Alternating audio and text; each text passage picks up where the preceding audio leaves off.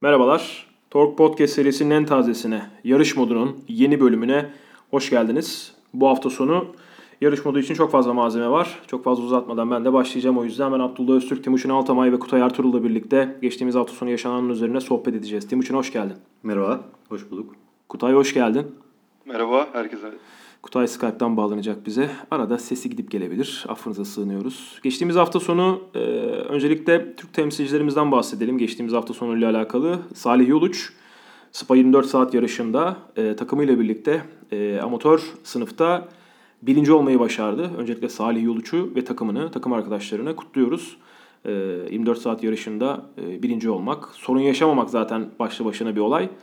E, o yüzden Salih'i gerçekten kutluyorum. E, umarız başarılarının, daha sonraki başarılarının bir başlangıcı olur. Daha önce de zaten Salih'in dere, dereceye girmişliği Ayhan Can Güven'le birlikte uluslar e, şampiyonasının uluslar yarışında birinci Evet. olmuşluğu vardı. O yüzden onu tebrik ediyoruz. Sonrasında e, Toprak'tan bahsetmek gerekir. Toprak Japonya'daydı. 8 saat yarışına katıldılar onlar.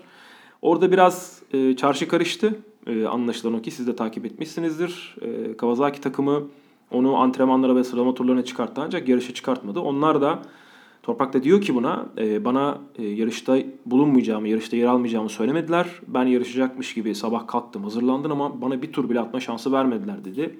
Sonra bütün toprağın çevresi, Kenan Sofuoğlu vesaire herkes e, bu duruma çok sinirlendi. E, galiba anlaşılıyor ki Kawasaki toprağa, toprak Kawasaki'yi artık bırakmak durumunda kalacak. Çünkü onun sinyali verildi zaten. Ayrılacaklar gibi gözüküyor. Toprak konusunda bir şey söyleyecek misin Timuçin? Ee, bu ayrılacaklar haberini şimdi ilk defa senden duydum. Yamaha büyük yani, ihtimalle deniyor.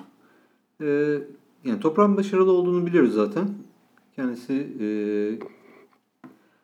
branşında iyi. E, ben ilk başta şey de düşünmüştüm. Acaba toprağın normal sezonda bir sıkıntısı olmasın diyerekten riske mi atmadılar diyerekten ama farklı bir durum varmış. Orada yarışan orada yarışan takım arkadaşları işte Jonathan Rea vesaire onlar sonuçta şampiyonada beraber kapıştığı adamlar oldukları için hani birilerini riske atmamak gerekiyorsa onlara da atmamaları gerekir. O Doğru. mantıkta gidersek. O yüzden orada bir enteresan garip bir durum. Bilmiyorum. Kawasaki takımının bununla alakalı bir açıklaması olduğumu görmedim. Kutay bir şey söyleyecek misin bu konuyla alakalı?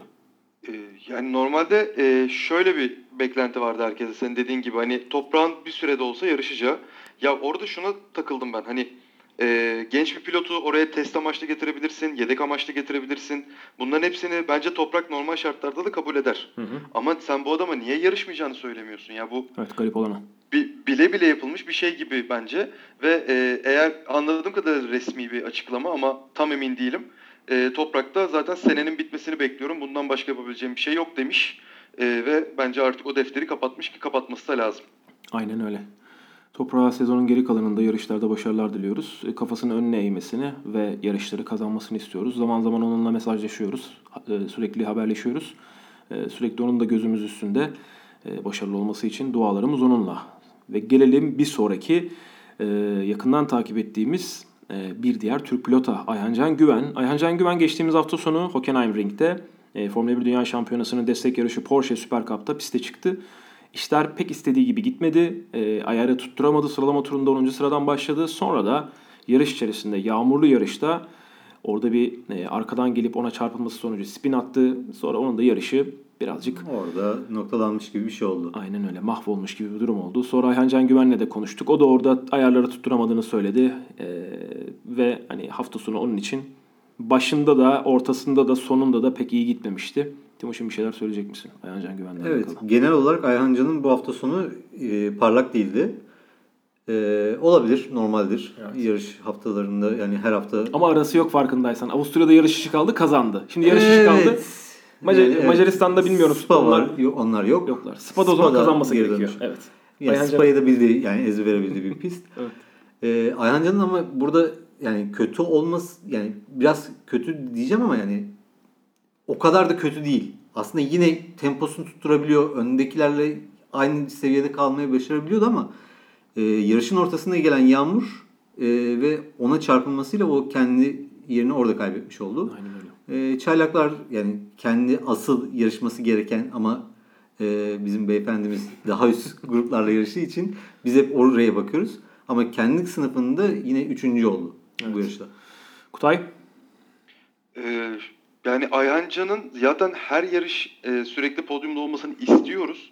Ama beklememiz biraz Ayhancan'a bence haksızlık olur. Sonuçta e, daha tecrübesi tecrübe olarak e, geride bir pilot. Hı hı. Ama tabii bunu kapatıyor hızla ayrı konu. E, ama ıslak zemin e, tecrübesinin e, daha da geride olduğunu kendi de söylüyor zaten. Hı hı. E, yarışa yarışa olacak, hata yapa yapa olacak, e, setup bulacak bulamayacak. E, bence hiç sorun yok. Bir yarışı bu şekilde e, tecrübeyle atlatmış oldu. E, önümüzdeki yarış belki bir daha podyumda olur. Olmadı bir sonraki yarış olur. Onun gelişimi önemli şu anda. E, anlık başarıları değil. Ee, evet Kutay'a katılıyorum. Yani güzel bir tecrübe elde etti. Çünkü kuru bir pistte başlayan ve e, daha sonrasında yağmurla devam eden bir yarıştı. Yani Aynen o konuda güzel bir tecrübe olduğuna eminim onun için.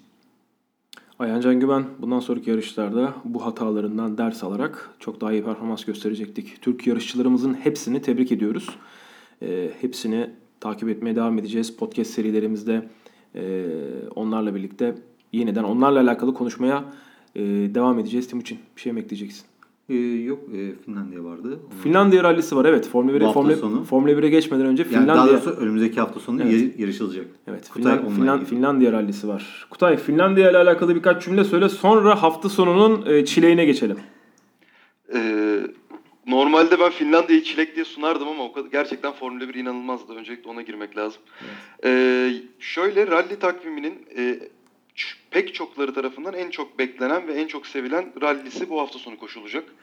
Ee, güvenlik standartlarının dışında yapılan bir rally olmasıyla beraber e, en hızlı rally, en çok zıplanan rally, roller coaster denen bir rally.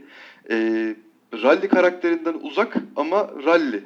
Ee, yani hiç izlemeyen varsa açsın bir videolarını seyretsin. Ee, zaten izleyenler konuya hem e, birazcık da olsa vakıftır.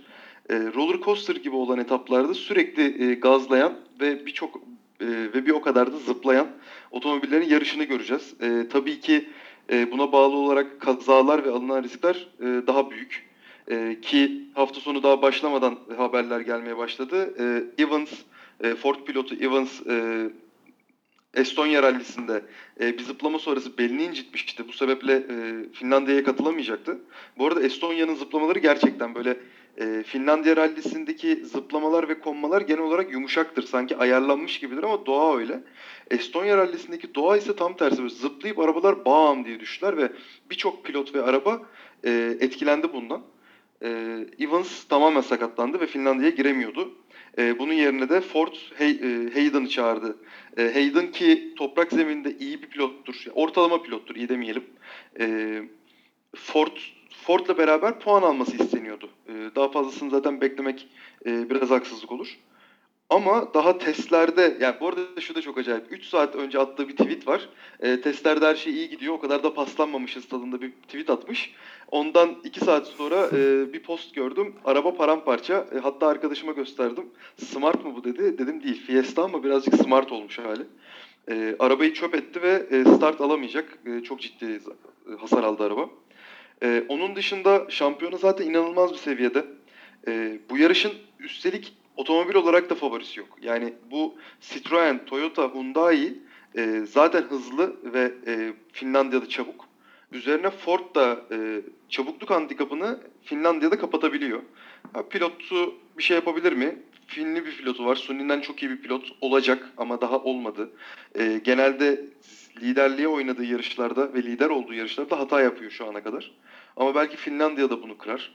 Ee, çok güzel bir rally olacak. Çok heyecanlı bir rally olacak. Hem rally şampiyonasının puantaj açısından e, tam zamanına geldi bu sefer Finlandiya rallisi. Herkesin kazanma ihtiyacı var. Hem de e, Finlandiya rallisi zaten başlı başına prestij. Birkaç özel rally gibi. E, bu sebeple zaten pilotların hepsi kazanmak için e, varını yoğunu ortaya koyuyor. Peki Finlandiya'da yarışmayacak olan e, babalar var mı? Yani Sebastian Loeb mesela Finlandiya'ya giriyor mu? Sebastian Loeb'e Hyundai'ye e, Finlandiya'ya gir dedi. E, Loeb istemedi. E, Sebastian Loeb Finlandiya'ya girmiyor. Hı Ama şöyle bir şey söyleyeyim. Türkiye'ye gelebilir mi acaba konuşmaları çok harlı bu ara. hı. hı. E, ben pek zannetmiyorum yani start listesinde adını, kayıt listesinde adını görene kadar inanmam ama e, belki Finlandiya'ya girmemesi Türkiye'ye gelmesi demek olabilir ki Hı hı. buna üzülemeyiz. Bence sevinmeliyiz. Buna seviniriz ya. Ben, ben bayağı sevindim. Yani inşallah olur. E, Löb'ü bir kez daha canlı kanlı görmek bence çok keyifli olur. E, onun dışında herkes giriyor. E, bu, bu yarışa özel birini sokuyor muydu diye düşünüyorum Toyota. Sanırım sokuyordu ama ben şu an onu hatırlayamıyorum. Eğer hatırlarsam söyleyeceğim. Hyundai Galiba- kaç Hyundai kaç otomobille katılıyor? 11, 12, 13 kaç taneyle katılıyorlar? Ee, 3 otomobil Üç ama otomobil. yani gerçekten Hyundai e, inanılmaz bir para harcıyor. Ee, sanırım buradan Tanak'a mı bağlayacağız? Aslında e, Tanak konusunu sonlarda konuşuruz diyordum ama çok fazla e, hani madem şeyi açtık e, sonlarda da bi- bir sürü konumuz var. Tanak e, 31 yaşında bir pilot. Seninle podcast'e başlamadan önce birkaç cümle konuştuk. 31 yaşına gelene kadar bu arkadaşımız e, sıradan bir rallici olarak hızlı bir rallici ama e, çok da hani şampiyon olma potansiyelini göstermeyen bir rallici olarak en azından benim aklımda yer etmişti. Sonra bu yıl Toyota ile birlikte oldukça hızlı şekilde onu etaplarda görüyoruz. Şimdi bu yılın sonunda ayrılıp Hyundai'ye gideceği konuşuluyor.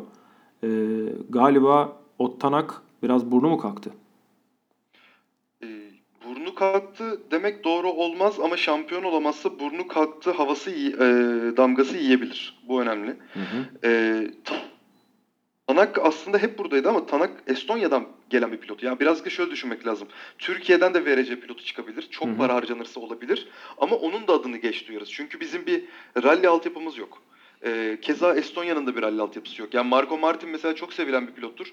Marco Martin'i gözünü kapattığın zaman kaç sene hatırlarsın? Ben sana söyleyeyim. Focus 2 litre Focus VRC ile hatırlarsın. Onun dışında Hı hı. çok fazla anı yoktur Marco Onun efsanevi bir Martin'le alakalı. efsanevi bir uçuşu vardır hatırlarsın Ford'la birlikte.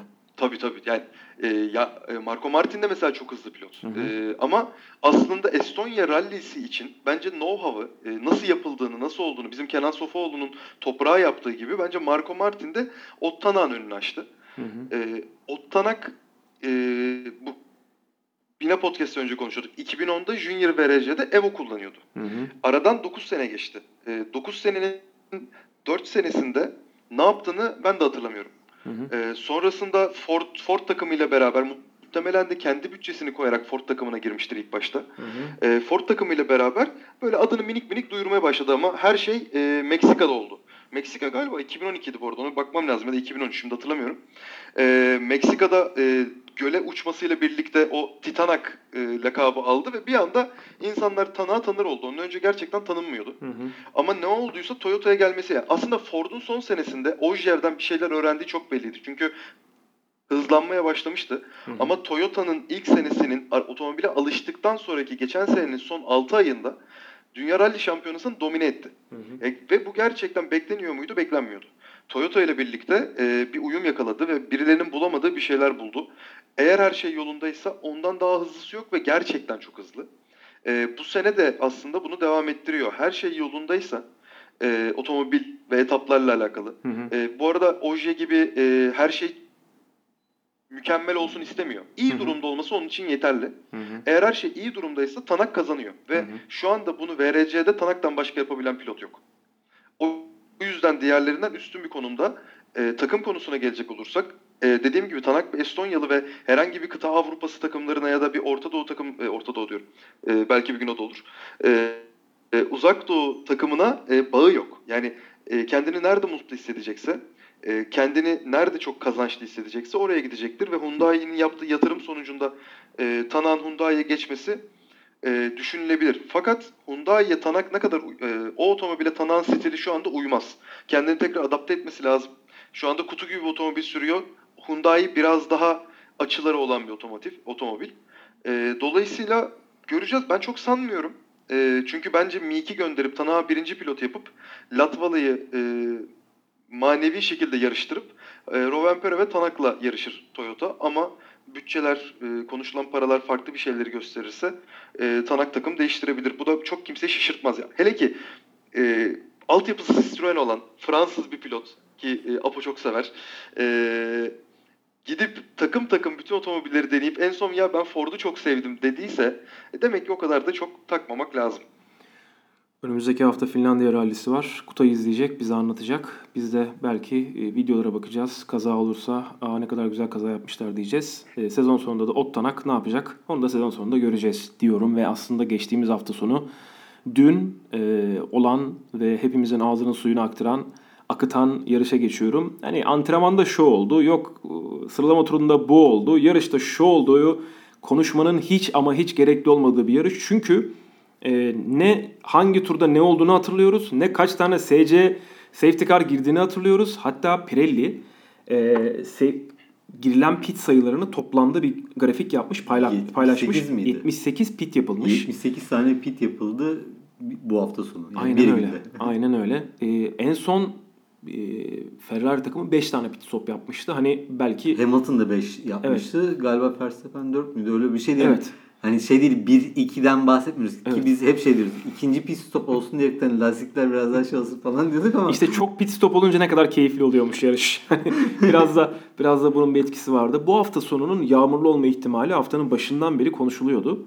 Bu e, acaba böyle mi olacak? E, Toto Wolff çünkü salı gününde itibaren başlamıştı dert yanmaya. E, çünkü sezondaki bütün yarışları 1-2 bitirme amacıyla sezona başlayan ve diğer takımın bütün pilotlarının ölmeden arabalarının parçalanmasını isteyen Toto Wolff e, bu hafta sonuna gelirken acaba biz bu yarışı kazanamaz mıyız? Üçüncü olursak dünya başımıza yıkılır mı? E, diyerekten e, yağmurun yağmamasını bekliyordu. Çünkü yağmurun yağmasını aslında bekliyorlardı onlar. Çünkü onlar istiyorlar evet. e, havanın sıcak olmamasını istiyorlardı. Havanın sıcak olduğu zaman ne olduğunu Avusturya'da gördük çünkü. Ne kadar yüksek sıcaklık e, durumlarının Mercedes'e nasıl etki ettiğini gördük. Yeterince soğutamıyorlar. Yani sıcak deyip duruyorlar. Aynen öyle.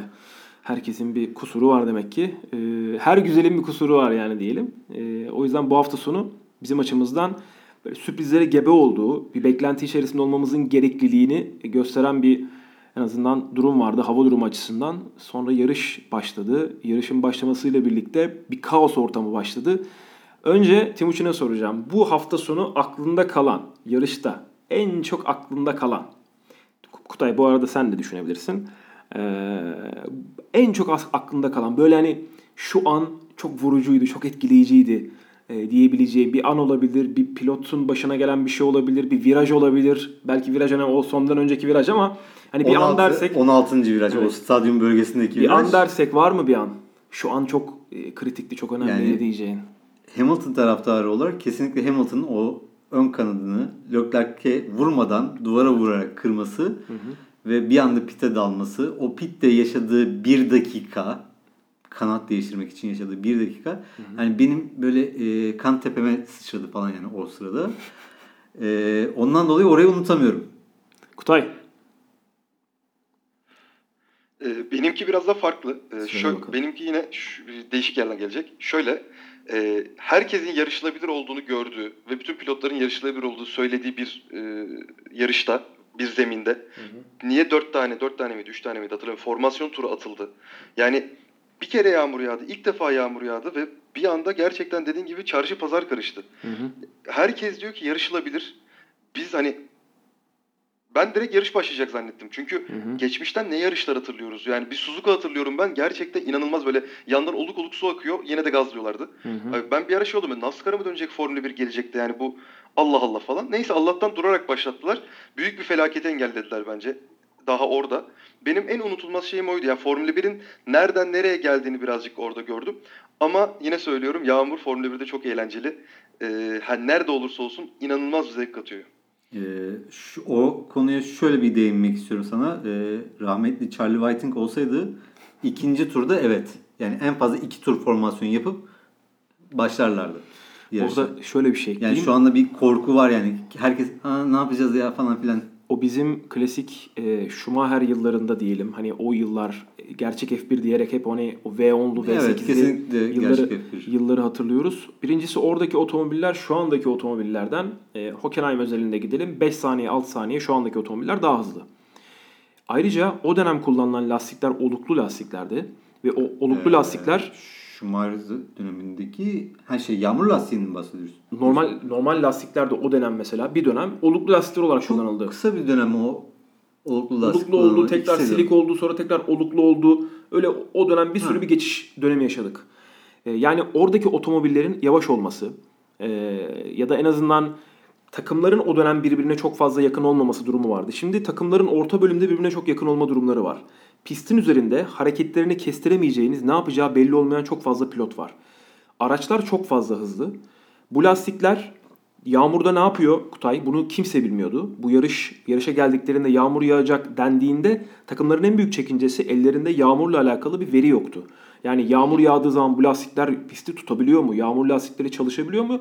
Bu yağmur lastikleriyle birlikte Kaç anladığım, tur çalışıyor falan yani kimse bilmiyordu bunu. anladığımız kadarıyla pisti ıslatıp Barcelona'da bir test yapmışlar. Ee, o e, testte gördükleri galiba bu lastiklerin pek de çalışmadı. İstedikleri gibi çalışmadı. Tutunma sağlamadı. O yüzden de pilotların neredeyse hepsi demişler ki bu lastikler sıkıntılı. Yani hem geçiş lastikleri hem de yağmur lastikleri. Benim orada e, sadece hani Serhan e, Serhan Acar söylerken e, birazcık orada şaşırdım. Şuna şaşırdım. Hani acaba durarak mı start verilecek yoksa yani yağmurlu bir yarışta safety car eğer piste girdiyse o e, safety car çıktıktan sonra araçlar dizilir ve öyle start alırlar diye bir e, Geçen sene yanlış hatırlamıyorsam böyle bir kural çıkarmışlar. böyle bir kural çıktı. Böyle bir kural çıktı. Ama Serhan Acar orada iki farklı modeli de uygulanabilir dedi. Onun ben e, tabii ki Serhan abinin bilgisi çok fazla.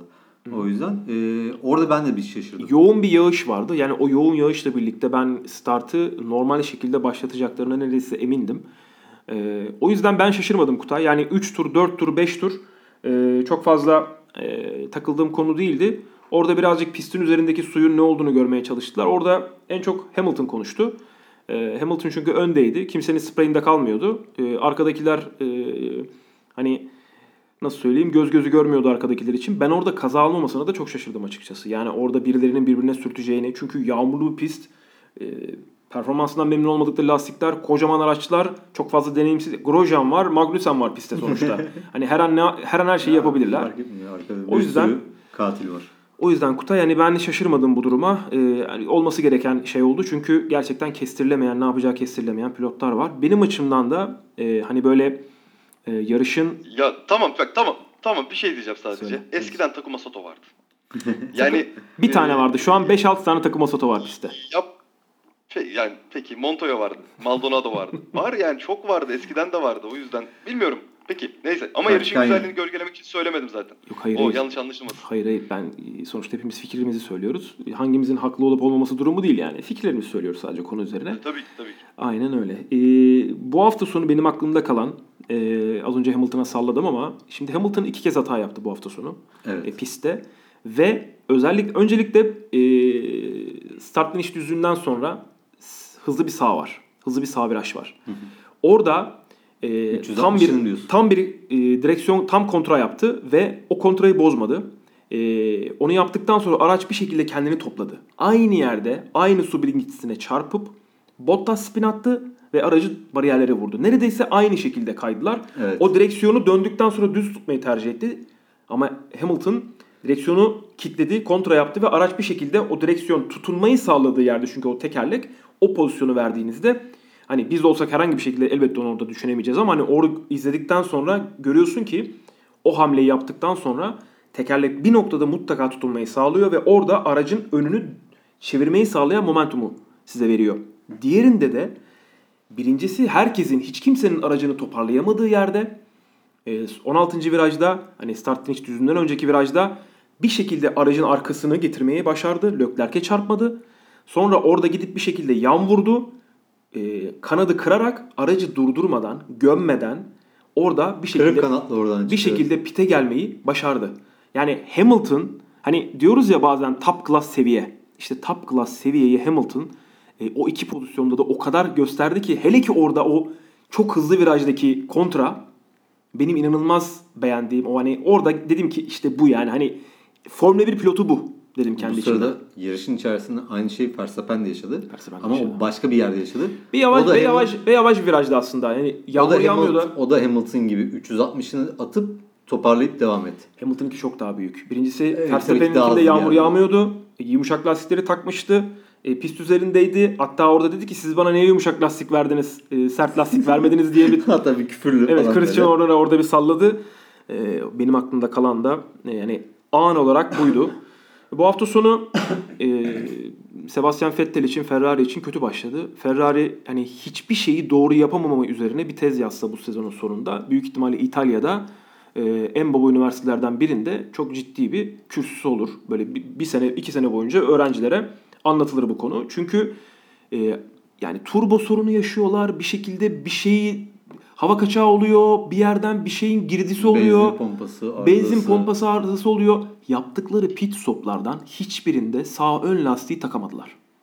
Yani bir araç girer bir şekilde onun jeki bozulmuştur. Jeki değiştirirsin. Aracın o taktığınız somunu bozulmuştur.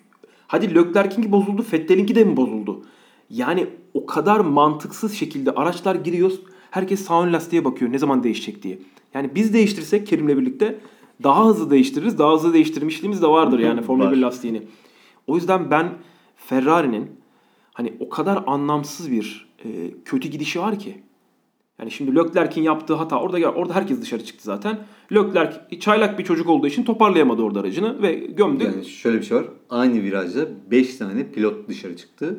Evet. Leclerc, Hamilton, Carlos Sainz, Raikkonen, Hülkenberg. Hülkenberg. Hülkenberg kaldı. Evet. Hamilton ön kanat kırdı. Evet. Bir tek Raikkonen oradan bir Bir şekilde sağlam çıktı. yaşlı kurtçuluk yaptı. Yani Leclerc orada bırakın çarpsın yani. Aynen öyle. O yüzden Ferrari takımında her şey olması gerektiği gibi, Ferrari takımı açısından Bu olması sırada gerektiği gibi sen gidiyor. Hamilton'ı destek savunuyorsun. Ben de Leclerc'i savunuyorum. Ne oluruz? Kutay, geçtiğimiz hafta sonu e, böyle olaylar üzerinden, yaşananlar üzerinden, e, yarış üzerinden neler söylemek istiyorsun? Yani Hamilton'ın dediğiniz gibi çok büyük pilot olduğu zaten aşikar. Yani otomobille olan uyumu inanılmaz. Evet. Ee, dolayısıyla diğerlerinden zaten onu ayıran o. Ee, Bottas'ın e, bu kadar rally antrenmanından sonra toparlayamamış olması enteresan ama. Demek ki yaramıyor. Bir şekilde bağlayacağım diyorsun oraya yani. Tabii tabii yapmasın. Ee, Verstappen'i Ama niye. Raikkonen'ki tuttu?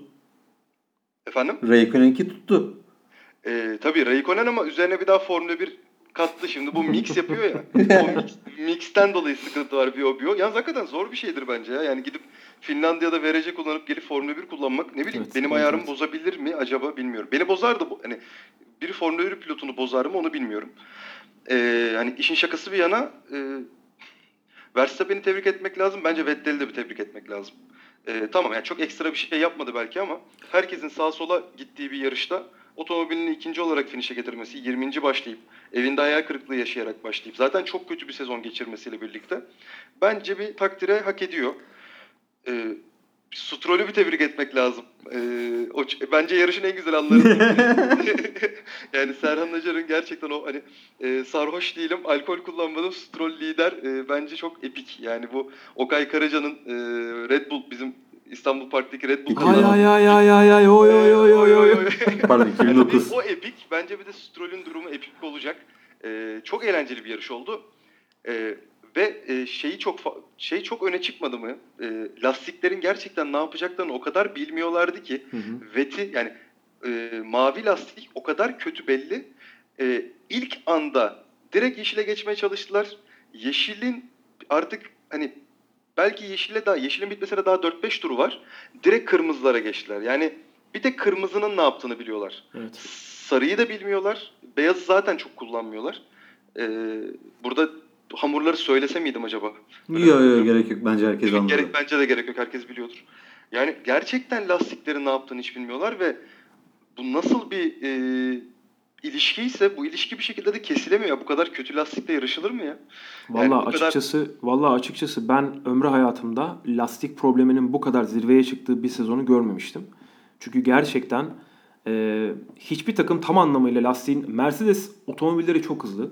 Her şeyi çok iyi e, paket olarak çok iyi yaptıkları için en az sorunu yaşayan marka. Ama hiç kimse lastikleri nasıl çalıştırabileceğinin hani tam anlamıyla optimum şekilde çalıştırabileceğini bulabilmiş değiller. Her an yeni piste gidiyorlar. Acaba hangi lastiği kullanmak lazım? Çünkü Pirelli diyor ki pit şeyi açıldı. E, Pit şeyi açıldı dedikten 15 tur sonra giren de var. Ne bileyim 7 tur sonra giren de var. 20 tur sonra girip yarışı O kazanan da var. de var. Hatta o sırada o ondan önce giren de var da yani ben bu konuda e, lastik yani bu sezonki lastikleri en iyi kullanabilen takımlardan bir tanesi e, Red Bull, diğeri de Mercedes. evet. Mercedes O zaten- yüzden de Mercedes yani ve Red Bull bir tık her seferinde bir avantaj buluyorlar kendilerine. Aynen öyle. Kutay devam et abi. Ee, şu anda çok acayip bir haber gördüm bu arada. Ee. Renault Renault e, Formula 1 takımı Alan Prost'u e, Mercedes'teki Niki Lauda görevini almış. Hı hı. Ee, Alan Prost'un ben oraya ne katacağını gerçekten merak ediyorum. Çünkü hırslı bir pilot. Bence kendi hayatında hala hırslı bir adam. Alain Prost, Ee, oto, Alain Prost o- o- oraya katsa katsa sahtekarlık katar. Devam et abi. Ee, ya biliyorsun bugün de bir kaza geçirdi takım. Öncelikle buradan bütün Renault takımına geçmiş olsun. Madde Macaristan'da, hasarlıyor sıkıntı yok. Macaristan'da- Yarıştan dolayı bir daha geçmiş olsun. Ya gel, olamaz ya böyle bir şey. Gerçekten. Macaristan'da e, tırları e, bir kazaya karışmış. Orada e, şarampole yuvarlan hani çok yuvarlanmak gibi değil de işte aracın e, Yoldan çıkmış Yoldan çıkmış böyle yolun kenarından aşağıya doğru yarısı tırın e, öyle bir durum yaşamışlardı ama Renault takımı gerçekten hani ya bu- ben bu tür yarışlarda Kutay e, takımlara çok fazla bir şey söyleyemiyorum. Gerçekten söyleyemiyorum. Hani bu hafta sonu bir takıma bir şey söyleyeceksek e, Grosjean'la Magnussen yine bir şekilde pistin üzerinde birbirlerini bulup birbirlerini vurmayı başardılar. Yani Mıknatıs var abi ikisinde. de. Hani ben onların takım patronu olan e, Steiner'e hiç sevmiyorum. Formula 1 tarihinde pilotuna hakaret eden pilot bir takım patronu göremezsiniz. Öyle bir şey yoktur. Yani yaptığı çok büyük terbiyesizlik. Gerçek bir terbiyesiz. E, Haas takımının e, takım patronu Steiner. Ama yani her pistte bir şekilde birbirlerine çarpmayı başarıyorlar ve birbirlerine çarp başkasına değil birbirlerine çarpıyorlar.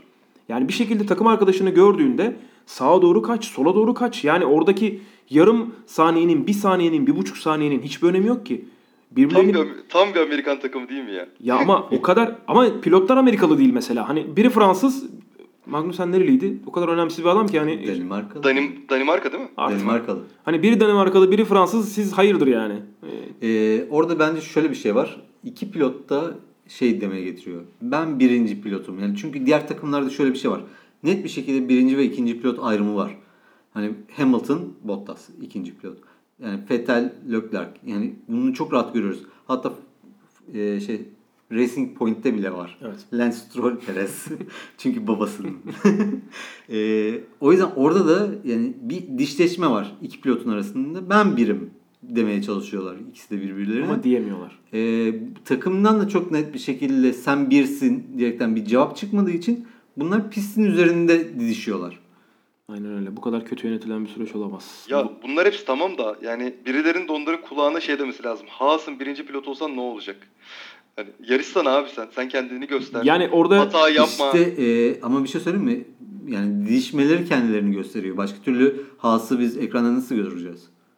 Ha işte ben de acaba orada ya bu çok büyük bir komplo teorisi tabii ki ama Ha yani. Aca- acaba Haas'ın bunlar içinde bilinç çünkü bu kadar birbiriyle anlaşamayan iki pilota birden tekrar sözleşme vermek biraz bana saçma geliyor. Şimdi biri- orada birinci e, sebep e, onların zaten hali hazırda kontratları vardı. Bu senenin sonunda Grosjean'ınki bitiyor yanlış bilmiyorsam. Hülkenberg'in e, Hülkenberg diyorum. Magnussen'inki de bitiyor olabilir ama Grosjean'ınki bitiyor. E, Grosjean'ın sezon sonunda yollayacakları neredeyse kesinleşmiş gibi bir durum var. Çünkü birkaç tane demeç vermiş onların takım patronu. Hani sezon sonuna kadar Grosjean takımda gibisinden verdiği demeçler. Hani önümüzdeki sene koltuğu garanti yani işte e, Grosjean'la konuşacağız falan gibisinden bir demeç görmedim. İşte Haas'ı konuşmayalım şimdi de orada bir komplo teorisi olduğunu düşünmüyorum. Çünkü birbirlerini biçtiler ve birbirlerinin yarışlarına mal oldular birkaç tane yarışta. Her zaman pist üstünde olmak daha büyük bir şeydir. Orada iki tane gerizekalı pilottan bahsediyoruz. E, İkisi de yani beş par etmez. İkisi de yavaş. Magnussen daha az 5 par etmez belki ama yani Grosjean'dan bir şekilde o Grosjean'ı artık şeye bir Türkiye'deki karting serisine mi gönderiyorlar? Nereye gönderiyorlarsa göndersinler. O takımın hani herhangi bir şekilde Formula 1'de Kubica ile Grosjean'ın ikisinin de yeri yok. Ee, bir şekilde ikisinden de hani önümüzdeki sene çünkü orayı da çok fazla hak eden pilot var. Hani o konu ben ne zaman e, Mercedes padonunda, Mercedes garajında görsem gerçekten e, çok üzücü bir durum. Çünkü o çocuk Benim, çok hızlı. iç- be- benim içim acıyor. Aynen öyle. O çocuk çok hızlı. Kubica 10 milyon dolar getirdiği için, Grosjean da büyük ihtimalle sponsor getirdiği için onun onun yerine yarışıyorlar. Evet Formula 1 paranın döndüğü bir yer ama yani bu kadar da ezilmez. Yani hak eden, hak edene hak ettiği de verilmesi gerekiyor. Bari Williams takımında e, yani Mercedes'in motor verdiği takımlardan bir tanesinde bu çocuğa bir tane koltuk verseydiniz bari. O yüzden Şimdi de Mercedes oradaki hakkını George Russell'dan yana kullandı. George Russell da o şekilde yarışıyor şu anda. Ee, geçen seneki GP2'de yarışmıştı. Bu sene de Mercedes sayesinde Williams'e yarışıyor. Aynen öyle. Valla işte Almanya Grand Prix'si ile Hockenheim Ring ile alakalı söyleyeceklerim benim açımdan açıkçası bu kadar. Senin ben var mı o zaman Timuçin? şöyle bir şey eklemek istiyorum. Ee, Tamam. aynı zamanda bu yarış Mercedes'in 125. yılını kutladığı Evet. ve e, Mercedes GP olarak da 200. yarışını kutladığı bir yere denk geldi. Bir şey daha Ee, denk geldi. Bir şey daha denk geldi. Konuştuk Ve seninle. e, ne? Netflix'e. Ha Netflix. Onu sen söyle de Netflix biliyorsunuz e, Drive to Survive geçtiğimiz yıl e, onların yayınladıkları bir e, belgesel serisiydi. Formula 1'i daha önce izlemeyen insanların bir şekilde Formula 1 ile e, dizi vasıtasıyla bir seri vasıtasıyla özdeşleştirme en azından içeride neler yaşanıyor nasıl bir ahbap çavuş ve e, hani iş bilmez ilişki e, yürüyor sürüyor bunu görmeleri açısından önemliydi. Hani Formula 1 gibi o kadar üst düzey bir platformda bile e, çocuklar gibi takım patronlarının birbirlerine laf sokmaya çalışması vesaire bunu görmeleri açısından önemliydi ama geçtiğimiz yılki yaşananlar hani Ferrari ve Mercedes'in olmadığı aşağıdaki işe yaramaz takımların birbirleri arasında kapıştıkları bir belgesel dizisi olarak gördüğümüz bir seriydi. Ancak bu yıl Ferrari ve Mercedes'le anlaştı. E, F1 yönetimi haliyle de Netflix. Çok ilginçtir ki e, Mercedes takımına ayırdıkları e, bölüm ise bu yarıştı. Hockenheimring'deki Almanya Grand Prix'siydi. Tabii ki Mercedes takım bunu bilemezdi ama içeride e, görülebilecek neredeyse bütün bilgilere galiba hakim olacağız. Bütün görüntüleri göreceğiz. Görmediğimiz şeyleri de göreceğiz. O açıdan önemliydi. E, Mercedes'in 125. yılı 200. F1 yarışı böyle bir hafta sonunda Netflix bunu belgeselleştirecek. Bir bölüm bunu izleyeceğiz.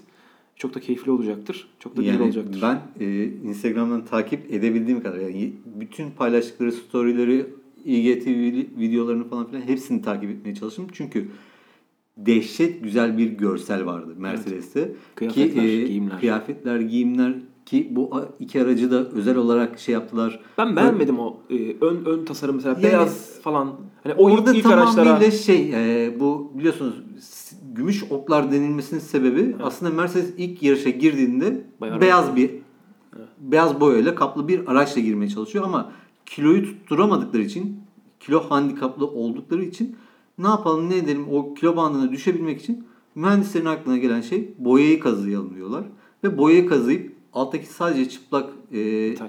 metali bırakınca gümüş oklar bu şekilde doğuyor. Aslında gümüş oklar değil kafalarında beyaz bir araç tasarlamak varken gümüş ok oluyorlar. Ee, ondan sebep de bir şey yaptılar. Yani bu beyazdan görseli- böyle gümüşe gidiyormuş gibi. beyazın hatta soyulmuş hani aslında gümüş aşağıda kalmış. Çünkü arkadaki o gümüş detaylarına bakarsan arada beyaz böyle nokta nokta yerler falan vardı. Beyazı kazımışız izlenim verdiler. Bence çok zevkliydi. Ee, evet araç öyle bakınca aa çok güzel durmuş değildi ama bir anlamı vardı. Altına yatan anlam çok güzeldi. Sen bütün hafta sonu boyunca burada beraber izledik sırlama turlarını yarışı. Ne kadar çok beğendiğini. Bir ara Toto Wolff'a aşık olduğunu düşündüm. O kadar Toto Wolff de çok güzel olmuş. Çok çok güzel olmuş. Çok yakışmış falan. O kıyafeti bana göndersin Valla gibisinden. Toto Wolff değil de e, çalışan e, hatunlar çok iyiydi. Toto Wolff Fan Club'ın e, görüşlerinden sonra Kutay var mı eklemek istediğin bir şey Almanya ile alakalı? Ee, var. Ee, biraz önce tamam belki e, F1'de olmasın dediğimiz isimlerden biri ama bence bir Kubica'ya e, tebrik göndermek lazım. Puan Değil aldı. mi? Değil mi? Herkesin yarış dışı kaldığı bir hafta sonu puan aldı diyorsun. Evet Williams puan aldı ya. Williams puan aldı ve bunu Kubica ile yaptı. Bence bu e, başarıdır. Çok büyük başarı bence de. bir, bir, bir başarıdır. Ya şey de çok acayip değil mi? E, Toro Rosso'nun e, garajının içinde yaşananlar. Hani böyle ne olduğunu anlayamadılar. İnanılmaz mutlular. Hakikaten mi? E, Hakikaten mi falan gibi birbirlerine Ya baktılar. çok, Ya çok ben iyiydi yani. Çok- Sonlara doğru ben çok yalvardım küçük- ya. Ben böyle küçük takımların da arada podyum yapıp, yapmasını çok seviyorum.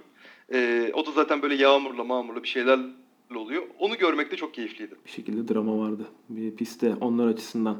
Keyifli bir hafta sonuydu. Çok keyif aldık. İzlerken çok mutlu olduk. Hani Leclerc yarışı kaldık. Bitirseydi kazanma ihtimali vardı. Ee, yarış- Ee, yar- özellikle pis kurduktan sonrasında kesinlikle çok büyük bir şey vardı. Evet bu yıl ikinci kez oldu Leclerc'in başına geldi. Bir, bir tanesi Bahreyn'de orada mekanik sorun yaşadı. Burada da kendi hatasıyla pist dışına çıktı ve yarış dışı kaldı. Ee, Bottas'ı gördük. Aracını parçaladı. Hamilton da hata yaptı. Bottas'a ettiğim küfürleri sen duydun zaten izlerken. O yüzden bu hafta sonu çok fazla olay oldu. Her takım açısından olay oldu. Ee, herkes bir şekilde dışarıya çıktı. Ama çok keyifli, çok önemli. Ee, benim açımdan çok güzel bir yarış izledik. Ee, bu yarışla alakalı da söyleyeceklerimiz bu kadar. Birkaç tane üzerine konuşmak istediğimiz konu var. Onlardan da bahsedelim ve yavaş yavaş toparlayalım. 2021 yılından itibaren e, Formula 1 yönetimi şu andaki çok çabuk aşınan lastiklerden kurtulma kararı almış durumda. E, artık daha dayanıklı, daha tahmin edilebilir e, ısı aralığına sahip lastikler kullanacaklar. Çünkü lastik zaten jantlar da büyüyor. Galiba 19 inç la- jantlara geçiyorlar. E, lastikler de biraz daha dayanıklı olacak diyorlar. Zaten o lastiklerin ortadaki kapak bölümüne de e, o hava nasıl söyleyeyim türbülansın önlemesi için bir kapak takacaklar. Bir ara Ferrari takımı onu kullanmıştı. Geçtiğimiz Brown yıllarda. GP zamanında vardı Brown zaten. GP'de kullanmıştı. Ee, Önce Ferrari kullandı sonra Brown GP geçti. Sarıya boyamışlardı hatta o kapakları böyle güzel şık gözüküyordu. Farklı gözüküyordu. ben beğenmiyordum. E, Apache'ler gibi olsa bile. E, böyle bir durum var. Kutay ne diyorsun? Lastik konusunda birazcık e, farklı şeyler deneyecekler gibi duruyor. E, e, denesinler zaten. Yani e, bu kadar takımın birden şikayetçi olması çok enteresan. Yani hiç olduramamışlar demek ki. E, ama o Apache'ler gibi kısmına ben de takılıyorum. Hiç güzel durmuyor ya. Kapaklar. Ya o kapak kapak hiç olmayan bir ol, yani olmuyor, oturmuyor, kötü duruyor. Niye tekrar ona dönüyorlar onu da bilmiyorum. Belki mecburlar onu da bilmiyorum ama. Araçların genel tasarımı değişiyor. Şöyle özetleyelim. Ee, bunun videoları yapıyorlar. Bir şey, bir- birkaç tane görselini paylaştılar. Aracın arkadan gelen ve yaklaşan pilotun e, yaklaşmasını daha çok, daha kolay yaklaşmasını sağlayacak şekilde bir türbülans yaratmasını istiyor. Yani türbülansı minimuma indirmeye çalışıyorlar. Lastiklerin orta bölümünde yani havanın o lastiklerin jantın içerisine girip e, orada oluşturduğu ve onun etrafında oluşturduğu bütün o türbülansı sonrasında aracın e, yanlarında o küçük kanatçıklardan oluşan e, türbülansı kanatçıkları kaldırarak arka kanat tasarımını değiştirip difüzörü büyütüp yine oradaki türbülansı minimuma, minimuma indirip e, öndeki aracın oluşturduğu türbülansı minimuma indirmeye çalışıyorlar. Arkadaki bir araç geldiği zaman çünkü çok fazla eskisine göre çok çok çok fazla O kirli, kirli hava havayı biraz daha azaltmış. kirli hava üretiliyor. Çok türbülansı olan bir kirli hava üretiyor. Ee, arkadan çok hızlı gelseniz bile öndeki pilot da eğer kafa kafaya hani sizinle gidebilecek düzlüklerde bir şekilde önünüzde gidip açabilecek e, geçtiğimiz hafta sonu e, bazı otomobillerde gördük. Yani ne kadar hızlı olsa bile arkadan gelen düzlüklerde geçemiyorsunuz. Bottas bunu yaşadı. Ee, yanlış hatırlamıyorsam Stroll ile birlikte yaşadı. Stroll önden kopup gidiyordu Mercedes motoruyla birlikte. Hani birazcık o türbülansı engellemek için bunu yapıyorlar Kutay. Sen bir şey söyleyecek misin Timuçin? Lastikle Ee, şöyle bir şey ekleyeceğim. Jantot değil mi? Evet, Ee, Jean Todt. Jean Todt'un açıklaması vardı hatırlarsan. Ee, tekrardan benzin ikmalini geri getireceğiz falan filan 2020. Getirsek iyi olur. Getirsek iyi olur. Yani ama Jean Todt'un ağzından çıktıysa bu büyük ihtimalle baya baya konuşulacak demektir. Eğer benzin ikmali geliyorsa bu lastiklerle de gider. Çünkü zaten o zaman lastiklerin ne kadar dayandığı çok önemli olmayacak. Ee, takımlar tamamıyla ne kadar benzin alırsak ne kadar hızlı giderizin hesabını yapacakları için her girdiklerinde lastik değiştirecekleri için lastiğin çok uzun gitmiş, çok kısa gitmiş falan filan o derdimiz bence kalmaz. Yani lastiği o şekilde toparlayacağımızda bence benzin ikmali geldiği zaman hiçbir sıkıntı olmayacaktır. Orada şöyle bir bilgi de verelim. Ee, bu yakıt ikmali kaldırıldığı yıl araçların ağırlığı yaklaşık 630-640 kilogram civarındaydı. Şimdi araçların ağırlığı 750-760 kilogramı geçmiş durumda. Ee, çünkü yakıt ikmali yap, yapamıyorlar. Yarışa çok ağır e, araçlarla başlıyorlar. Yarış sonunda işte o yakıtı harcadıkları için lastikler daha kontrol edebilir, daha kullanılabilir hale geliyor. İşte bu yakıt ikmalinin gelmesi araçların ağırlıklarının düşmesi, araçların kısalması, lastiklerin daha e, uzun ömürlü olması ya da ne bileyim daha kullanışlı olmasını sağlayacak. O açıdan lastiklerin durumu en azından biraz daha kullanılabilir hale getirmeleri e, iyi olacak biz izleyiciler açısından, Formula 1'in geleceği açısından. Toto Wolff demiş ki, üreticilerin hiçbirinin 1000 beygir sınırını aşmadığını düşünüyorum e, demiş Toto Wolff. Ama bunun aksine geçtiğimiz yıl 1000 beygir barajını Ferrari'nin kesinlikle aşmış olduğunu söyleyen demeçler duymuştuk. 1000 beygir sınırı aşıldı. E, çünkü Ferrari çok hızlı. E, Ferrari özellikle Almanya yani geçtiğimiz yılın ortasına kadar bazı yarışlarda yetişmekte sıkıntı yaşıyordu Mercedes. O yüzden hani bizim gücümüz belli. Biz ne kadar güç aldığımızı biliyoruz motorlardan. Ferrari 1000 beygiri aşmış olmalı bizi geçtiği için diyorlardı. Şu an Toto Wolff diyor ki 1000 beygiri kimse açmamış Timuçin. Yani birisi açmış olsaydı herhalde bangır bangır bağırmıştır diye düşünüyordum. En azından kendilerini açmadıklarını düşünüyorlar. Yani galiba. kendileri açmadılar. O, e, Toto Wolff'un açıklamasında zaten şey diyordu.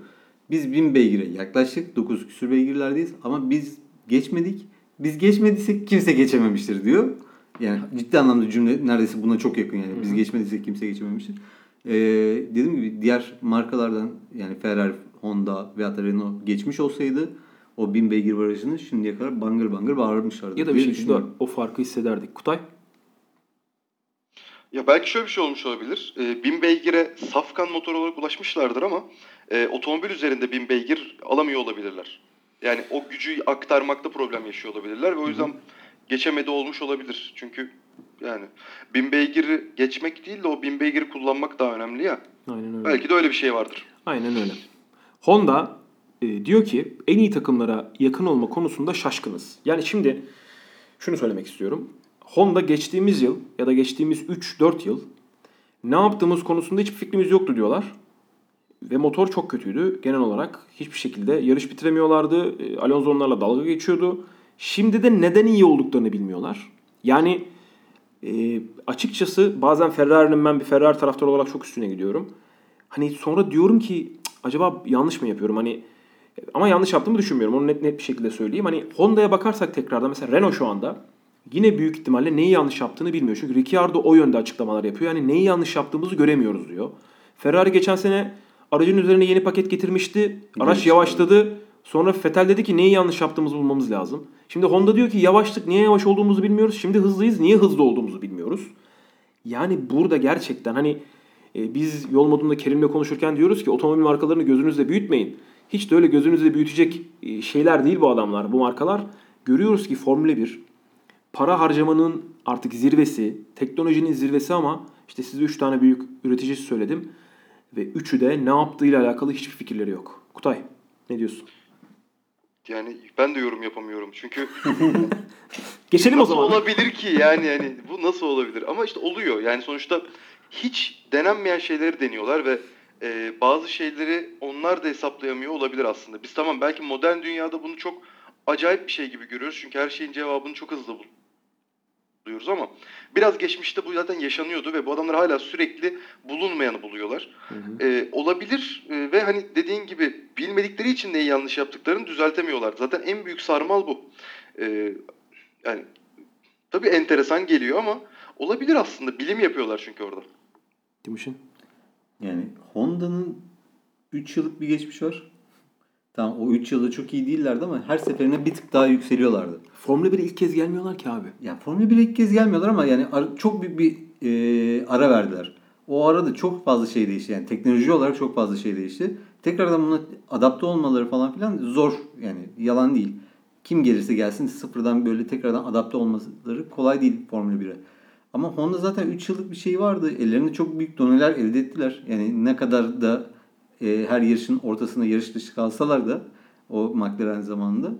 E, bir de burada artı e, Christian Horner'ın kesinlikle o motoru doğru düzgün oturtturduğuna eminiz.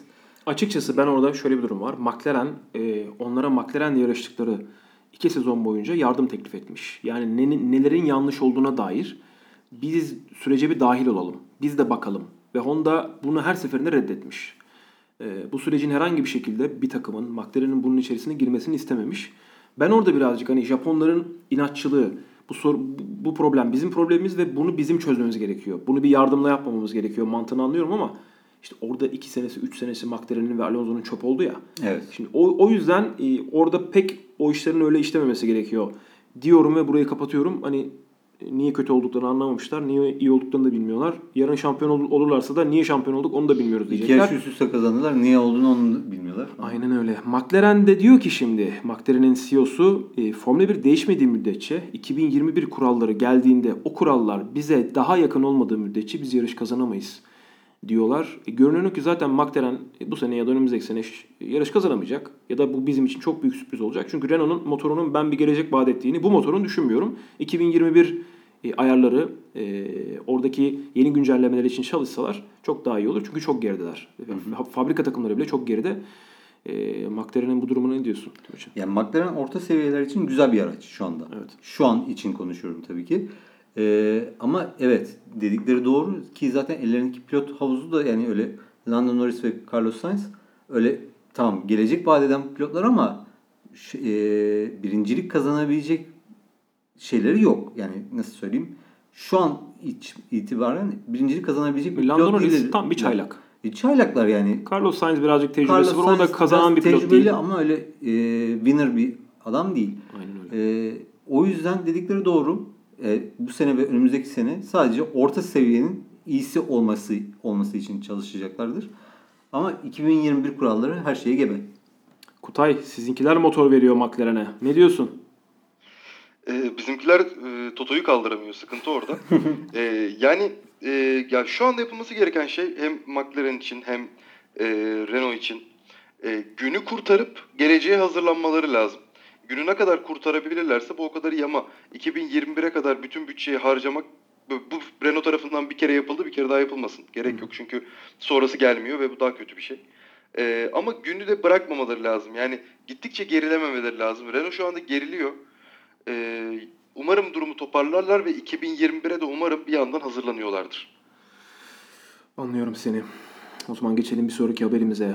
Aston Martin demiş ki Honda eğer Formula 1'den ayrılırsa biz Red Bull'un e, partneri olabiliriz. Hani Formula 1'e girebiliriz demiş. Çünkü orada e, şu anda zaten hali hazırda 3 tane üretici var. Hani Formula 1'de olmasına alıştığımız 3 tane üretici var. Mercedes, Ferrari ve Renault. Onun yanında şu anda Honda var. Honda acaba çıkar mı çıkmaz mı ben artık çıkacaklarını düşünmüyorum. Ben Zaten de bu saatten sonra çıkacaklarını sanmıyorum. yeni paketle birlikte neredeyse Mercedes'te aynı gücü vereceklerini iddia ediyorlar. Honda e, görüyoruz ki potansiyel var zaten. Yarış kazanıyorlar o araçla, o motorla birlikte.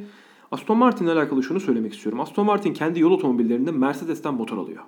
Yani henüz kendi yol otomobilleri para kazandıkları yer için motor üretemezken Aston Martin Formula 1'e girip bir motor üreticisinin yerine Formula 1'e girmeyi düşünüyorlar. Diyorum ki Aston Martin'e az ye de hani kendine bir artık Motor neyse, al. motor al demek istiyorum Kutay.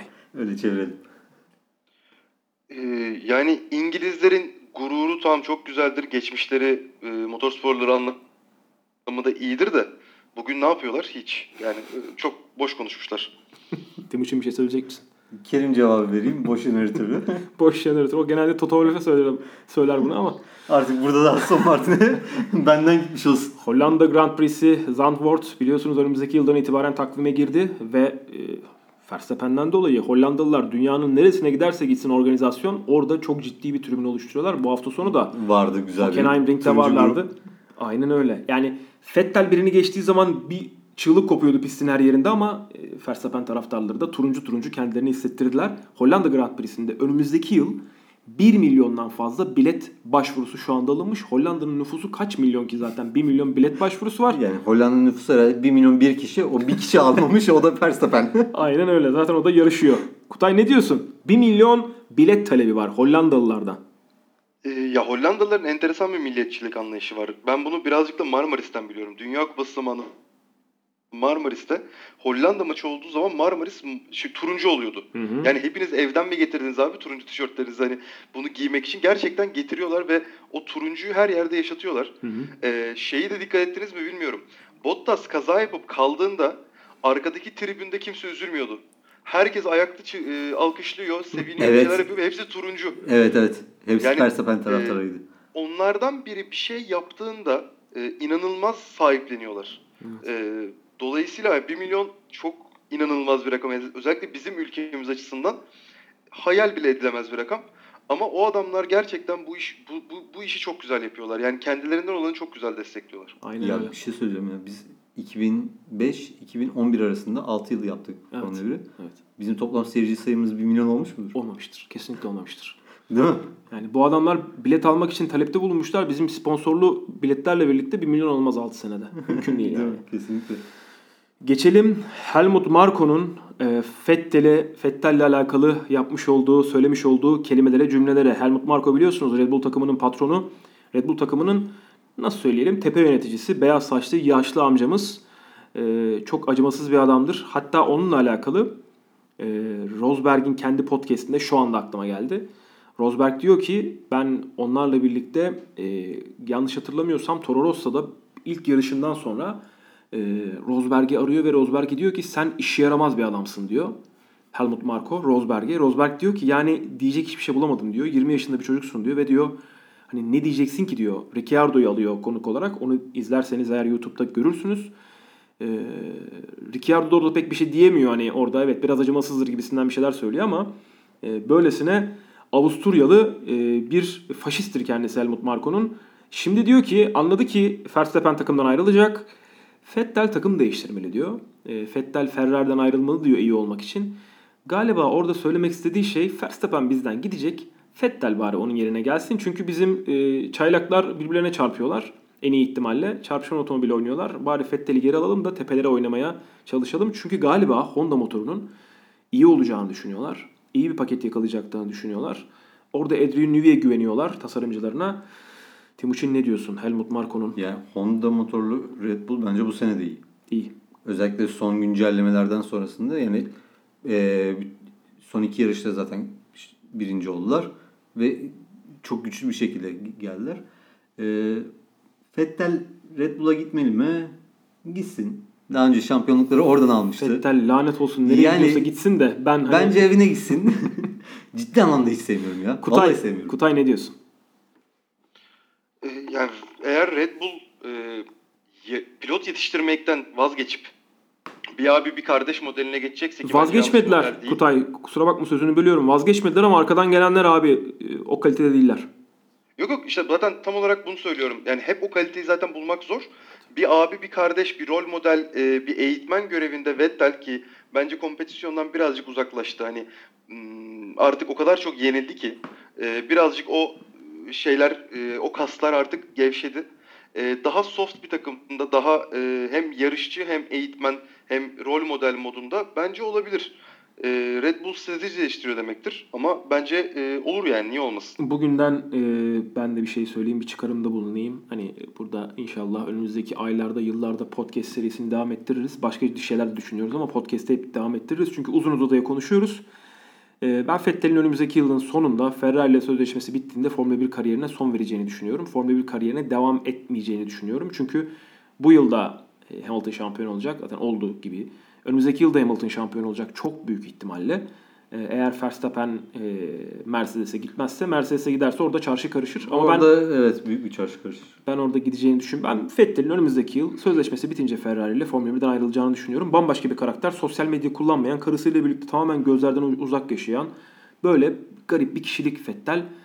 Ee, bakalım hani her şey hani onun için her şey iyisi olsun da hani Ferrari'den ayrı bir yerde iyisi olsun. Çünkü Ferrari herhangi bir şekilde e, dişlerini göstermeyen bir pilotu kabul etmez. Her türlü e, kazanma isteğinizi, açlığınızı, iştahınızı göstermek zorundasınız. Vettel de işler kötü gidince başını öne eğip e, bir şekilde kenara çekiliyor. Yani orada liderlik göstermesi gerekiyor. Çünkü şu anda Ferrari takımında düzgün giden hiçbir şey yok. Otomobil hızlı, evet. Ama bir yerde otomobilin en hızlı olduğu hafta sonunda bir şekilde başlarına bir şey geliyor. Orada o takımı toplayacak olan bir lidere ihtiyaçları var. O lider normalde takımın patronu olur. Öyle bir takım patronu yok. Orada bir tane pompon var şu anda. Gözlük takan bir İtalyan. Hiçbir şekilde bir karakter gösteremiyor. Ee, o karakteri Leclerc gösteremez. Göstermesi gereken kişi 4 kez dünya şampiyonu bir pilot. Bir Alman bir de o. Hani o disiplinden gelmiş bir adam. Ama Vettel'in de öyle bir karakteri yok. Geldiği yerde Christian Horner gibi kuvvetli bir karakter vardı. Adrian Newey vardı yanında. Çok iyi bir paket vermişlerdi ona. O en, en önde başlıyordu. Farkı açıyordu. Şampiyon oluyordu zaten. 4 şampiyonluk böyle geldi. Sadece bir tanesinde kafa kafaya. İlk şampiyonluk yanlış hatırlamıyorsam kafa kafaya oldu. Ondan sonraki 3 tanesi zaten açık ara gelmişti. Uzun lafın kısası ben önümüzdeki yıl Vettel'in zaten sözleşmesi bittiğinde ayrılacağını düşünüyorum. Timuçin var mı eklemek istediğin bir şey? Geçtiğimiz hafta sonu olan bitene dair ya da herhangi başka bir konuda söylemek istediğin. Ee, inşallah bir iki yarış daha bu şekilde yağmur geçişi Macaristan var olur da- haftaya. Macaristan var haftaya. Orada bir şey olmaz. Büyük ihtimalle. Macaristan artık sezonun ortası için son yarış. Ee, orası evet başlar ve biter. Oradaki sıralama çok önemli. Sıralama yarışı. Ee, ondan sonrasında 3 haftalık bir ara. Aynen öyle. Kutay var mı? Formula 1 ile ya da başka herhangi bir şeyle alakalı söylemek istediğin, eklemek Ee, istediğin. Formula 1 ile ilgili şey ekleyeyim. Ee, Schuma- Schumacher'in oğlunun e, babasının otomobille gazlaması. Güzeldi. Ee, hem romantik hem güzeldi. Güzel evet. Ee, Evet. Bu arada o gazlama sonrasında tabii ki zaten bu haber kesin çıkacaktı. Bu posta manşeti ama, posta gazetesi manşeti ama e, acaba Mika mı geçecek Vettel'in yerine? Leclerc bir Mika ikinci pilot dediler. Ee, çok, önümüzdeki sene için imkansız.